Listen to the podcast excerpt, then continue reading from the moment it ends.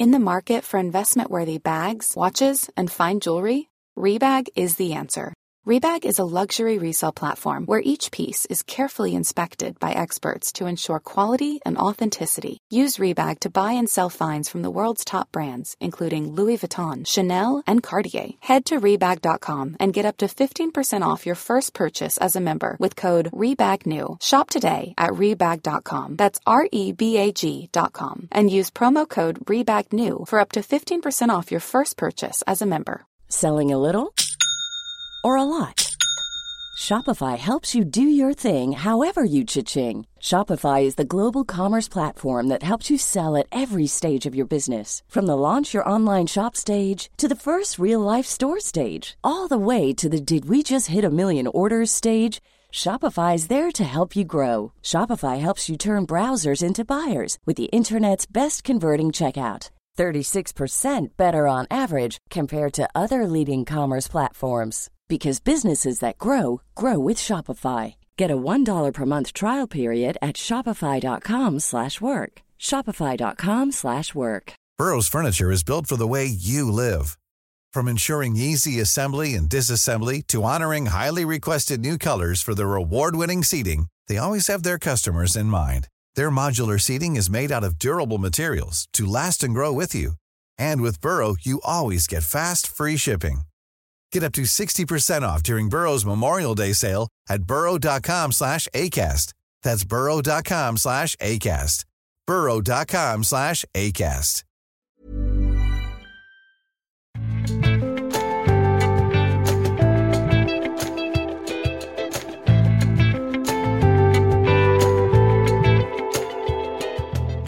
Slik møter kirka Putins krig. Velkommen til Tore og Tarjei, en podkast fra dagen.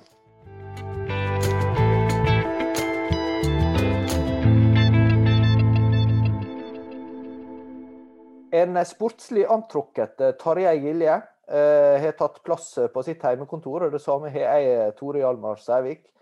Og eh, jeg veit ikke om noen rakk å eh, sakne oss i forrige uke, men vi tok rett og slett vinterferie.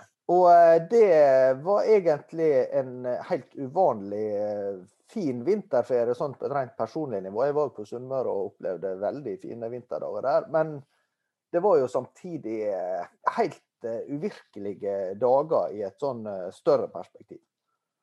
Jeg, viste, jeg har skrevet en del, jeg viste sønnen min på ni år eh, denne filmen 13 dager, som handler om Cuba-krisen, eh, for en liten måned siden nå. Eh, og det var i den tro at, eh, at dette kom til å gå omtrent sånn som det. Altså at det ga seg før det virkelig smalt. Ja, Det der er- en, finnes det jo ganske sånne sterke bilder av, fra 1962, da russiske Ja, krigsskip snudde og ble avfotografert sammen med amerikanske krigsskip. De var kommet så langt. Ja, ja. Og jeg trodde at det kom til å bli sånn. Det viser seg jo å slå helt, helt feil. Og her er det jo sånn at vi, når vi skal snakke med barna våre nå, at dette, dette er dager og uker som kommer til å prege deres, eh, deres liv i, i mange år fremover. Og Her er det jo vært sagt og skrevet veldig mye som, eh, av folk som forstår dette her langt bedre enn vi gjør, så vi skal ikke, skal ikke gi oss inn på å, eh, å, å prøve å være noe sånn ekspertise på, på det geopolitiske og sånn. Men vi har jo eh, skrevet og lest og snakka med en del eh, mennesker angående det som eh, vi eh, arbeider litt mer med, nemlig det kirkelige eh, perspektivet. Og her har vi en slags dobbel plan i dag. Det ene er at vi skal snakke litt om forholdet mellom Putin og særlig den, russisk-ortodokse kirka. Og så skal vi få en direkte, eller tilnærma direkterapport fra våre to kollegaer Karl Andreas Jahr og Eivind Tveter, som har vært i Polen for å se innsatser som kristne menighet gjør der for å møte flyktninger som kommer fra Ukraina. Men vi begynner med det første først, og det er eh, dette er egentlig ganske interessante og samtidig eh, uforståelige forholdet som eh, Putin har til den russisk-ortodokse kirke. Eh, og eh, for de som eh, har erfaring fra før eh, 1991, da Sovjetunionen endelig gikk i oppløsning, så husker en jo at dette var bak jernteppet. Og det var eh, også en veksende altså Det engasjementet som jeg i dag ser for forfulgte kristne i Norge gjennom eh, Åpne dører og Stefanusalliansen, det vokser jo fram eh, som et arbeid for, for kristne som har det vanskelig bak jernteppet. Og, og da særlig eh, i Sovjetunionen og, og eh, ja, andre land i Warszawapakta, der det ikke var så greit å være kristen, rett og slett. Og nå er vi jo i en situasjon der eh, presidenten i Russland veldig tydelig bruker kristen symbolikk og eh, retorikk. Ja, nettopp det. det er jo nesten, altså, Paradokset kunne nesten ikke vært større. og Det er jo litt her òg det store skiftet eh, ligger. Det var jo lignende, det har ikke så mye med, med kirken å gjøre, men det var jo òg et skifte når Tysklands ennå ganske ferske forbundskansler Olaf Scholz søndag for eh, knappe to uker siden egentlig satte sluttstrek for etterkrigstiden i Tyskland. Nå skal Tyskland ruste opp militært, og de sender våpen inn i konflikten. Sant? Som Tyskland som helt siden andre verdenskrig har ligget svært lavt, tross i sin styrke, ligget svært lavt på den militære storpolitiske arenaen. Nå, den, nå har Putin satt sluttstrek for det. Så det, det er veldige motsetninger eh, i, det, i, det, historiske. Dette, man må virkelig liksom, trenge tid for å fordøye eh, og for å forstå rekkevidden av eh, det som skjer her. Jeg har jobba med en sak om Putins forhold til den ortodokse kirke. Og det går jo egentlig ganske langt tilbake i altså sitt personlige liv også. For han ble visstnok døpt i hemmelighet da tidlig på 50-tallet. Han ble født i 1952, så vidt jeg husker. Og eh, så blir det også fortalt Eller han fortalte da han var på Larry King. Eh, det var et berømt amerikansk talkshow? Eh.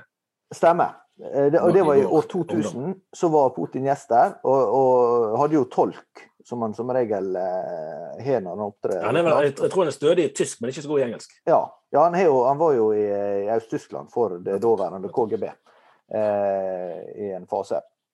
Men, men eh, da eh, bekrefta han eh, dette at han, han, gikk rundt med et kors rundt halsen, og det hadde han fått fra mora. og han, Ikke bare det, men han hadde også da vært i Israel Eh, på 90-tallet. Eh, først eh, i embets medfør, men senere også på familieferie, for han likte seg i Israel. Og fikk det velsigna ved Jesu grav. Og det korset det kan du også se Putin går med på disse her macho-bildene som ble publisert for 10-12 år siden, der han opererer bare over kropp. Og, og også jeg fant en film fra 2016 eller 2018, var det det, der han eh, er med på et slags ritual der han bader til, til minne om Jesu dåp. Eh, og, og, også har det korsmykket der. Eh, og det er jo sånn som vel Det er jo helt utenkelig at Lenin eller Stalin skulle, skulle gjort noe sånt. og samtidig så har jo den ortodokse kirke vært en svært viktig faktor i russisk kultur. Noe en ikke minst merker hvis en leser f.eks. Eh, Dostojevskij sine romaner fra, fra 1800-tallet. så er det jo det er også. Det er bare interessant innsmett der at altså, Hans Wilhelm Steinfeld, sant, den mangeårige NRK-korrespondenten som vel var liksom Norges fremste fortolker av Sovjetunionen og Russland i mange år, han, han kom med en bok om Putin, bok om Putin i, i, fjor eller forfjor. og Der skriver han faktisk at det, altså, eh, den ortodokse kirke hadde alltid flere medlemmer enn kommunistpartiet, selv gjennom den tiden der kirken var mer eller mindre eh, i skjul eller forbudt. Ja, og særlig på, på, på 1930-tallet så var, var, det jo veldig hard forfølgelse av, eh, av også ortodokse prester, fordi de ble ansett for å være allierte med, med tsaren, som da hadde blitt eh, styrte gjennom revolusjonen i 1917. Så, sånn at um, Dette er ganske betydelig skifte i russisk kultur. Men det er også en sånn underliggende konflikt her som går på Vesten, det, det, det sekulariserte og liberale Vesten, der eh, en fra kirkelig hold eh, i, i, øst eh, er veldig bekymra og, og, uttaler seg eh, kritisk om det. Eh, og ser, virker det som nesten det å holde det ortodokse Eh, fellesskapet samla som, eh, som, ganske avgjørende for at eh, en skal greie å stå imot dette her. Og, og dette går tilbake til altså, Russland ble, ble kristna omtrent samtidig med Norge. Eh, under det såkalte Kiev-riket fra 800-tallet og framover. Det var en massedåp i Kiev, i, i, i Kyiv heter det vel nå. i 988 eller noe sånt, altså seint på 900-tallet iallfall. Og så er det jo det som skjedde i Ukraina, så det ble da kimen til, til dette eh, riket. Og, og så da eh, seinere blitt eh, Russland og Hviterussland og Ukraina. Men også viktig, et viktig poeng for så Putin og eh, patriark Kiril deler, det er jo dette at dette er egentlig uoppløselig. Dette er et sånt broderfellesskap som, som er eh, helt sånn grunnleggende eksistensielt for de folka. At det er egentlig ett folk. Eh, det har ukrainerne å finne seg i? Ja, tydeligvis. Eh, og, og der er det også eh, for oss som lever i ja, Nå skal ikke vi gå for langt inn i kirkehistoriske detaljer, men vi er jo i den vestkirkelige sfære. Altså det som eh, Etter det store skisma i 1054 så ble jo kirka delt i østkirka og vestkirka. Og eh, østkirka, eller ortodokse, det er jo ganske framand for de fleste nordmenn. Eh, for det har vært lite kontakt med det. Sånn, og Der har de jo ikke noen pave, de har en patriark i Konstantinopel som er et slags eh, overhode for alle. Men, men, likevel så er jo disse her eh, nasjonale kirkene i stor grad selvstendige. Men eh, den russisk-ortodokse er jo den suverent største og mektigste. da. Ja, og der er jo også et sånt, et sånt paradoks. for et av de, Noe av det som har kjennetegnet Østkirken i mange land, er jo at den har på en måte ikke hatt Man kalte det for konstantinske privilegier altså etter den romerske keiseren og, og fremveksten av kristendommen i, i den tidlige historien der, at, at har måttet klare seg sjøl i eh, i mange østlige land. Mens her er jo nettopp eh, samvirket mellom staten og kirken noe av det som er det veldig vanskelige. Og Det er jo en, egentlig nesten en maksimal kontrast kan du si, til den tradisjonen som vi er vant med i Norge, sant? der vi har snakket om lekmannsbevegelse og lavkirkelighet og, og liksom kirke nedenfra. Det er liksom vekkelse i folket, det er det som skal forandre samfunnet. Mens her er det virkelig statens leder som skal være kristendommens uh, beskytter. og det er jo til og med sånn, Jeg hørte en, det var vel en podkast fra Aftenposten vi snakket om det i, i går nå, at, at, det blir fremstilt en, av en del som at det er at Putin egentlig, det, altså han er Guds ords høye beskytter. Det er det dette egentlig handler om. Å stå imot sekulariseringskreftene fra vest på vegne av Guds ord. Uh, og Da blir jo liksom religionskrigsdimensjonen til de grader uh, utkrystallisert. Men noe av det som blir trukket fram fra en del kommentatorer som veldig paradoksalt her, er jo at det, eh, eh, selv om det da ble eh, en selvstendiggjøring av det ukrainsk-ortodokse for eh, tre-fire år siden, at den ble eh, fikk, fikk eh, selvråderett, så, så, er det likevel sånn ganske mange ukrainere fortsatt tilhører Moskva-patriarkatet og er, er russisk-ortodokse.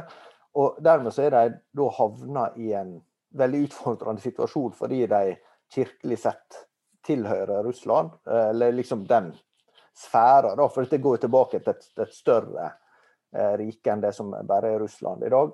Eh, men, men, likevel da er på motsatt side militært. Eh, og, og den, også den som er leder for de, de som da fortsatt er russisk-ortodokse i, eh, i Ukraina, har omtalt dette, eller sammenligna det som skjer nå med, med Kain sitt drap på Abel, som vi kjenner fra starten av første Mosebok. Så det er jo veldig sterke ja, ikke bare sterke ord, men også sterke erfaringer og, og konflikter som, som, stikker veldig dypt, og, og som, som eh, vi bare setter startet på, på, hvordan dette vil utvikle seg. Ja, og, det, og så er det vel sånn eh, som det gjerne er i konfliktsituasjoner, at vi ser både noe av det verste og noe av det beste i mennesker, nesten sånn side om side. Sant? For her kan vi jo, Det har vært på mange måter fint å se den veldig sterke fordømmelsen eh, som, som eh, har kommet fra veldig mange forskjellige hold eh, mot, mot, det som blir stående som en historisk brutal og uprovosert eh, okkupasjonskrig, samtidig som eh, barmhjertigheten hos mange blir, blir synlig. Her er det jo ikke minst eh, Polen som, som, har blitt eh, et mottakerland, og som legger opp til Jeg hørte på radio i morges at de skulle nå Der var det politisk vedtak i går om å klargjøre for at skole skulle være raske til å ta imot eh, flyktninger. Altså med andre ord, Man regner med at disse menneskene kommer til å bli værende her eh, en stund. Eh, og det er, jo, er jo, det er, jo, det vi skal høre mer om fra våre kollegaer som, som var i grenseområdet der at du får se hvordan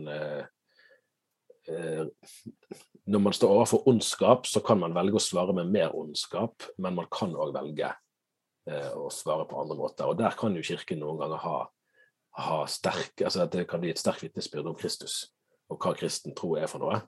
Eh, til og med når de som eh, er okkupanter, påberoper seg å ha en kristen hjemmel for det de gjør.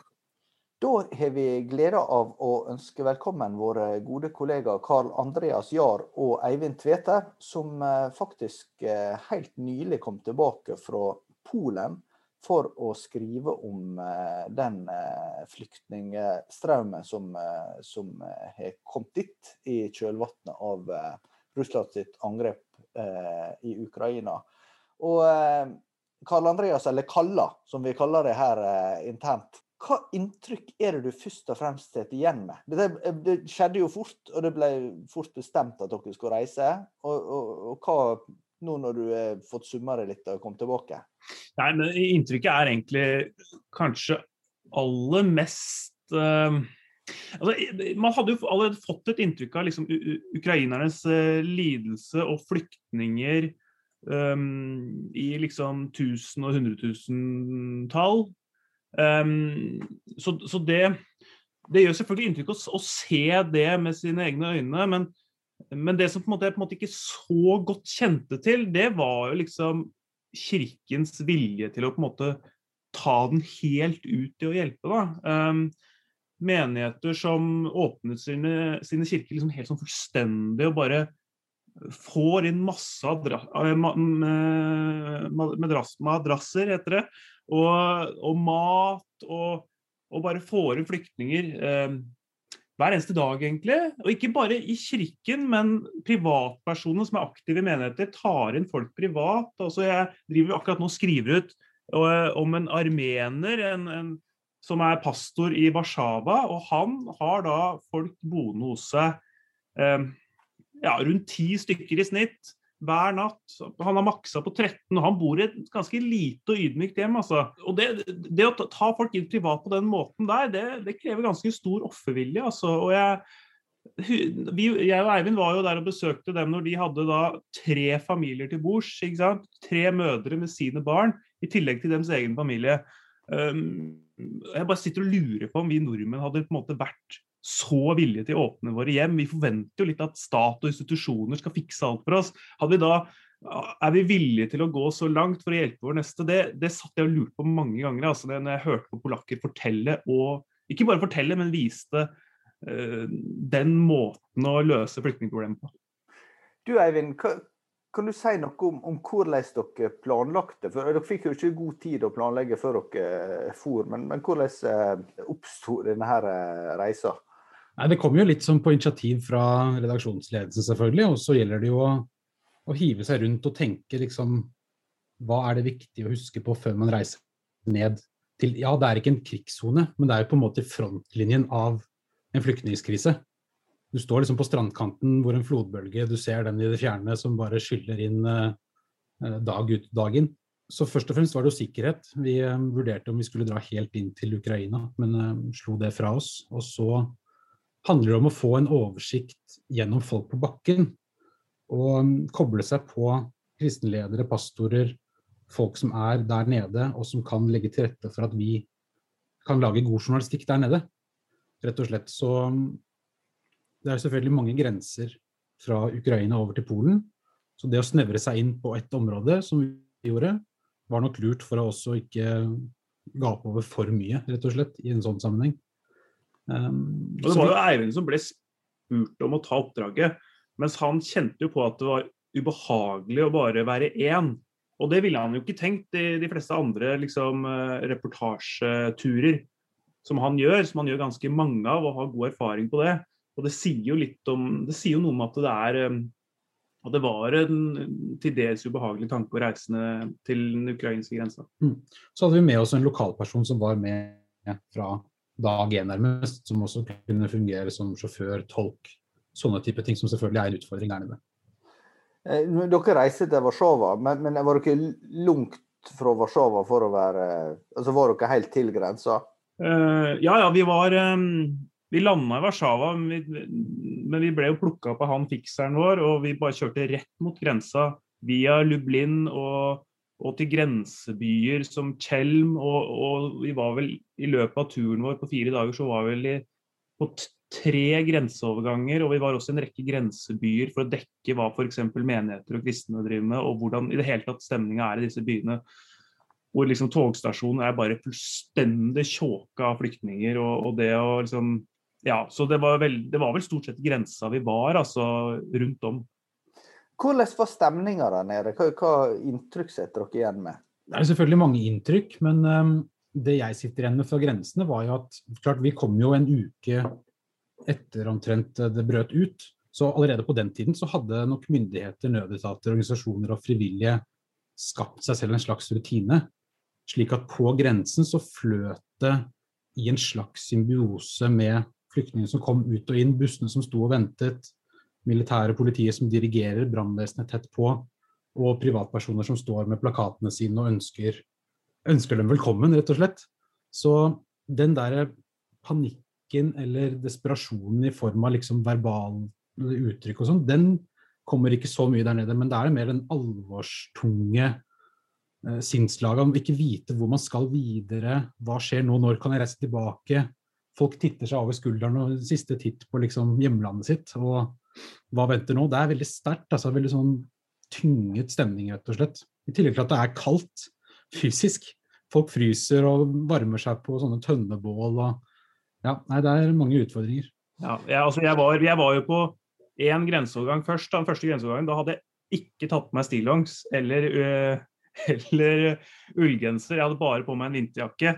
Og det kjente jeg at det gikk ikke. Det var iskaldt. Altså, så neste dag så var det full stillongs og ullgenser under vinterjakka. Så det var liksom bitende kaldt altså, i, det, ja, i, i, selvfølgelig Polen og grense, disse grenseovergangene. Og, og, fikk liksom kjenne på hvordan det er å være flyktning i, i Sentral-Europa liksom i, i begynnelsen av mars. Hvem er de mennesker som stiller opp? Det er bare et mylder av organisasjoner. Hvis du tenker på i grenseovergangene, så er det Og det er, det er jo så, så, vanskelig å få kontroll at det også er problemer. Vi fikk også høre at det er mye svindlere og liksomorganisasjoner eh, mellom disse seriøse organisasjonene. Så, så, selv om man kan snakke om at i løpet av en uke så har det blitt en slags orden, så er det også et liksom salig kaos med liksom um, det, det, lukter sånn brent plast overalt, og det er sånn typisk sånn tønnebål. og, hvor folk varmer seg. så Det, liksom, det føles som liksom i sivilisasjonens liksom, ytterpunkt også. Så det er en slags og disse organisasjonene, hva skal man si? det er, det er masse kjente organisasjoner, det er veldig masse ukjente. Og i tillegg til at man ikke er helt trygg på at alle disse organisasjonene er seriøse, så det er uoversiktlig, er vel det, det, beste man kan si. Så er det jo noen norske òg, da. Vi, du, vi, kom jo over et par eh, pinsevenner sånn helt ut av det blå, som mm. hadde satt seg i hver sin minibuss og kjørt to dager i strekk fra Oslo og ned til da Tjelm, den byen vi var i. Som jo er noen små lysglimt uh, av håp ikke sant, i en sånn situasjon. Så du spurte deg selv hva nordmenn ville, ville gjort. Noen er allerede i gang med å reagere, så det, det skjer allerede. Hvordan er, er det med, med, de menighetene som, som, dere var i kontakt med? Hvem er de i Polen? Eh, fra Norge så, så er jo liksom det litt enkle bildet at, at Polen er et ganske katolsk land. Men det er jo ikke bare mm. det. Nei, uh, altså det er jo tungt katolsk, vil jeg si. Altså det, frimenighetene Altså De protestantiske menighetene teller vel under en halv prosent altså, av befolkningen. Um, altså F.eks. i Ukraina så er det jo langt flere protestanter, særlig pinsevenner. og Det samme gjelder f.eks. Liksom, Hviterussland del andre land rundt. Men akkurat Polen så er det veldig lite sånn eh, protestantisk aktivitet. men så, så, så pinsemenighetene for eksempel, som vi dekka fordi vi hadde en, en pinsevenn som var fikser for oss, så var det, kom vi tettest på pinsevennene. Um, så, så, så, så vi at det var små forhold, små menigheter, men at det, men at de på en måte ga fryktelig mye. da, altså Vi hørte bl.a. På, på grensene at det gikk et rykte om disse pinsemenighetene, om at der er det mat å få. Der er det husly. Eh, der er det også omsorg og folk som spør hvordan du har det. Så, så de hadde et veldig godt ry akkurat, eh, akkurat, den perioden som vi er i nå, i starten, startfasen av denne krigføringa. Jeg kan også fortelle om en, eh, en norsk misjonær slash pastor som holder til i Lublin, en av de større grensebyene. Og han driver også en, en pinsemenighet der, men han fortalte at egentlig mer eller mindre rett etter at krigen brøt ut, så tok flere pastorer og kirkeledere initiativ til en sånn felles økumenisk planleggingsmøte. Hva gjør vi nå? Fordi at ikke, For å unngå at ikke alle tråkker i hverandres bed på en måte når det gjelder nødhjelp, altså at ikke alle gjør det samme, så begynte de med den koordineringen med en gang. Og han sa det til oss at det har liksom hjulpet oss som på en måte kirkesamfunn også å komme tettere på hverandre. Det syns jeg var en utrolig fin uh, fortelling midt oppi det hele. altså. Mm, og Det merker vi f.eks. med at den, den pinsemenigheten som er tettest på grensa, f.eks. der vi var, som var i Tjelm, eh, dems oppgave var å liksom ta inn folk fra grensa. De gjerne kjørte i grensa, plukka opp ukrainere. Tok de inn, ga de mat, ga de et sted å sove. Og neste dag så tipsa de om disse menighetene her, som er liksom litt lenger inn i Polen, er det mulighet for å liksom dra til som en slags neste tappe. Så kan du igjen få husly og mat. Så det er jo litt det du nevner, da, med, at det var et veldig sånn godt, tydelig, et tydelig samarbeid som fungerte. Fellestrekk med alle var at de satt med telefoner som ringte non-stop.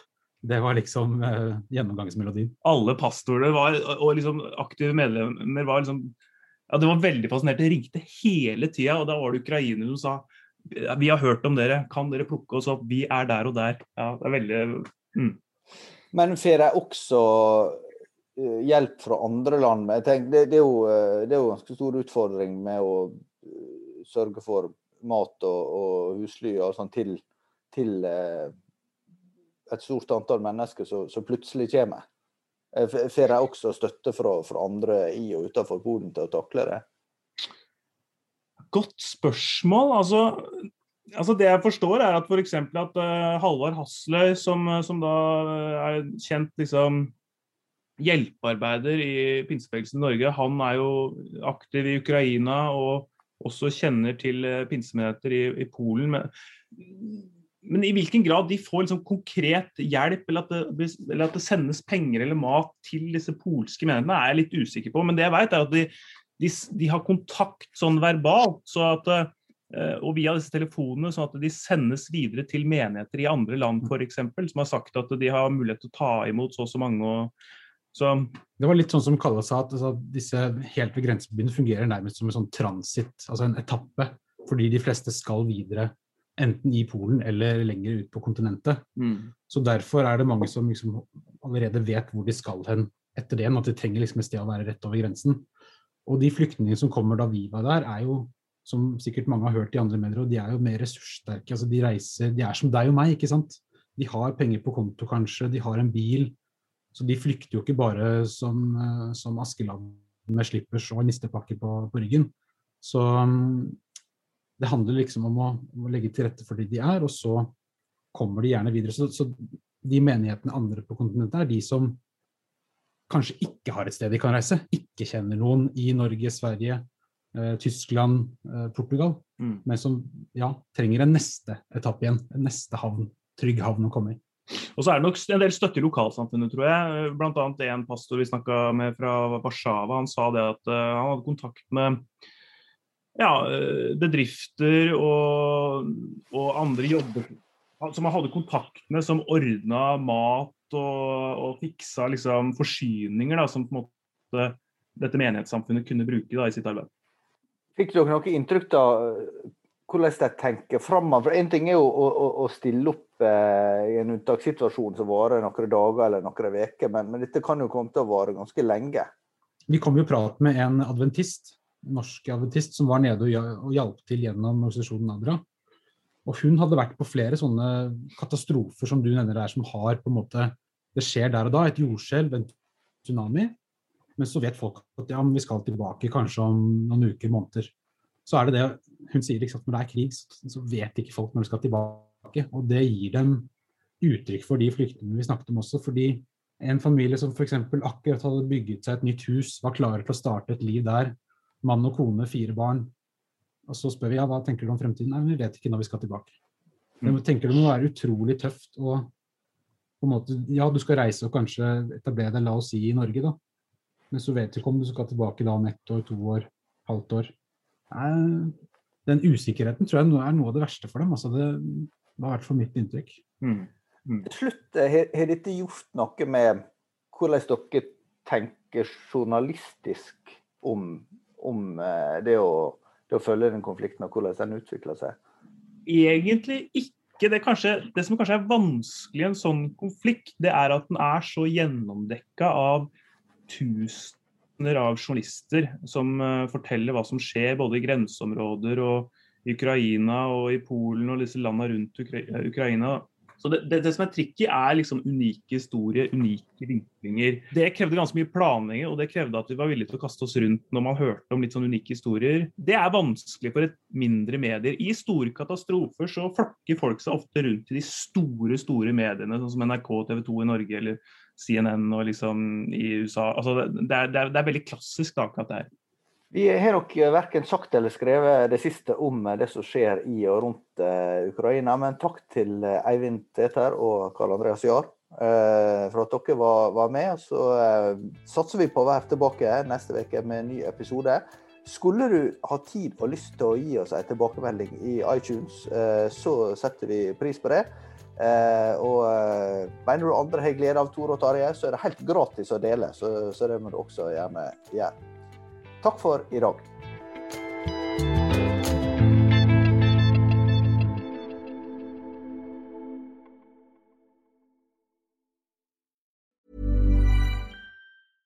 Selling a little or a lot?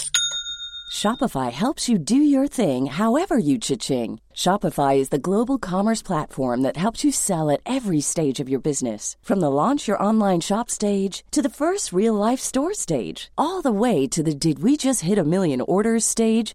Shopify is there to help you grow. Shopify helps you turn browsers into buyers with the internet's best converting checkout. 36% better on average compared to other leading commerce platforms because businesses that grow grow with Shopify. Get a $1 per month trial period at Shopify.com slash work. Shopify.com slash work.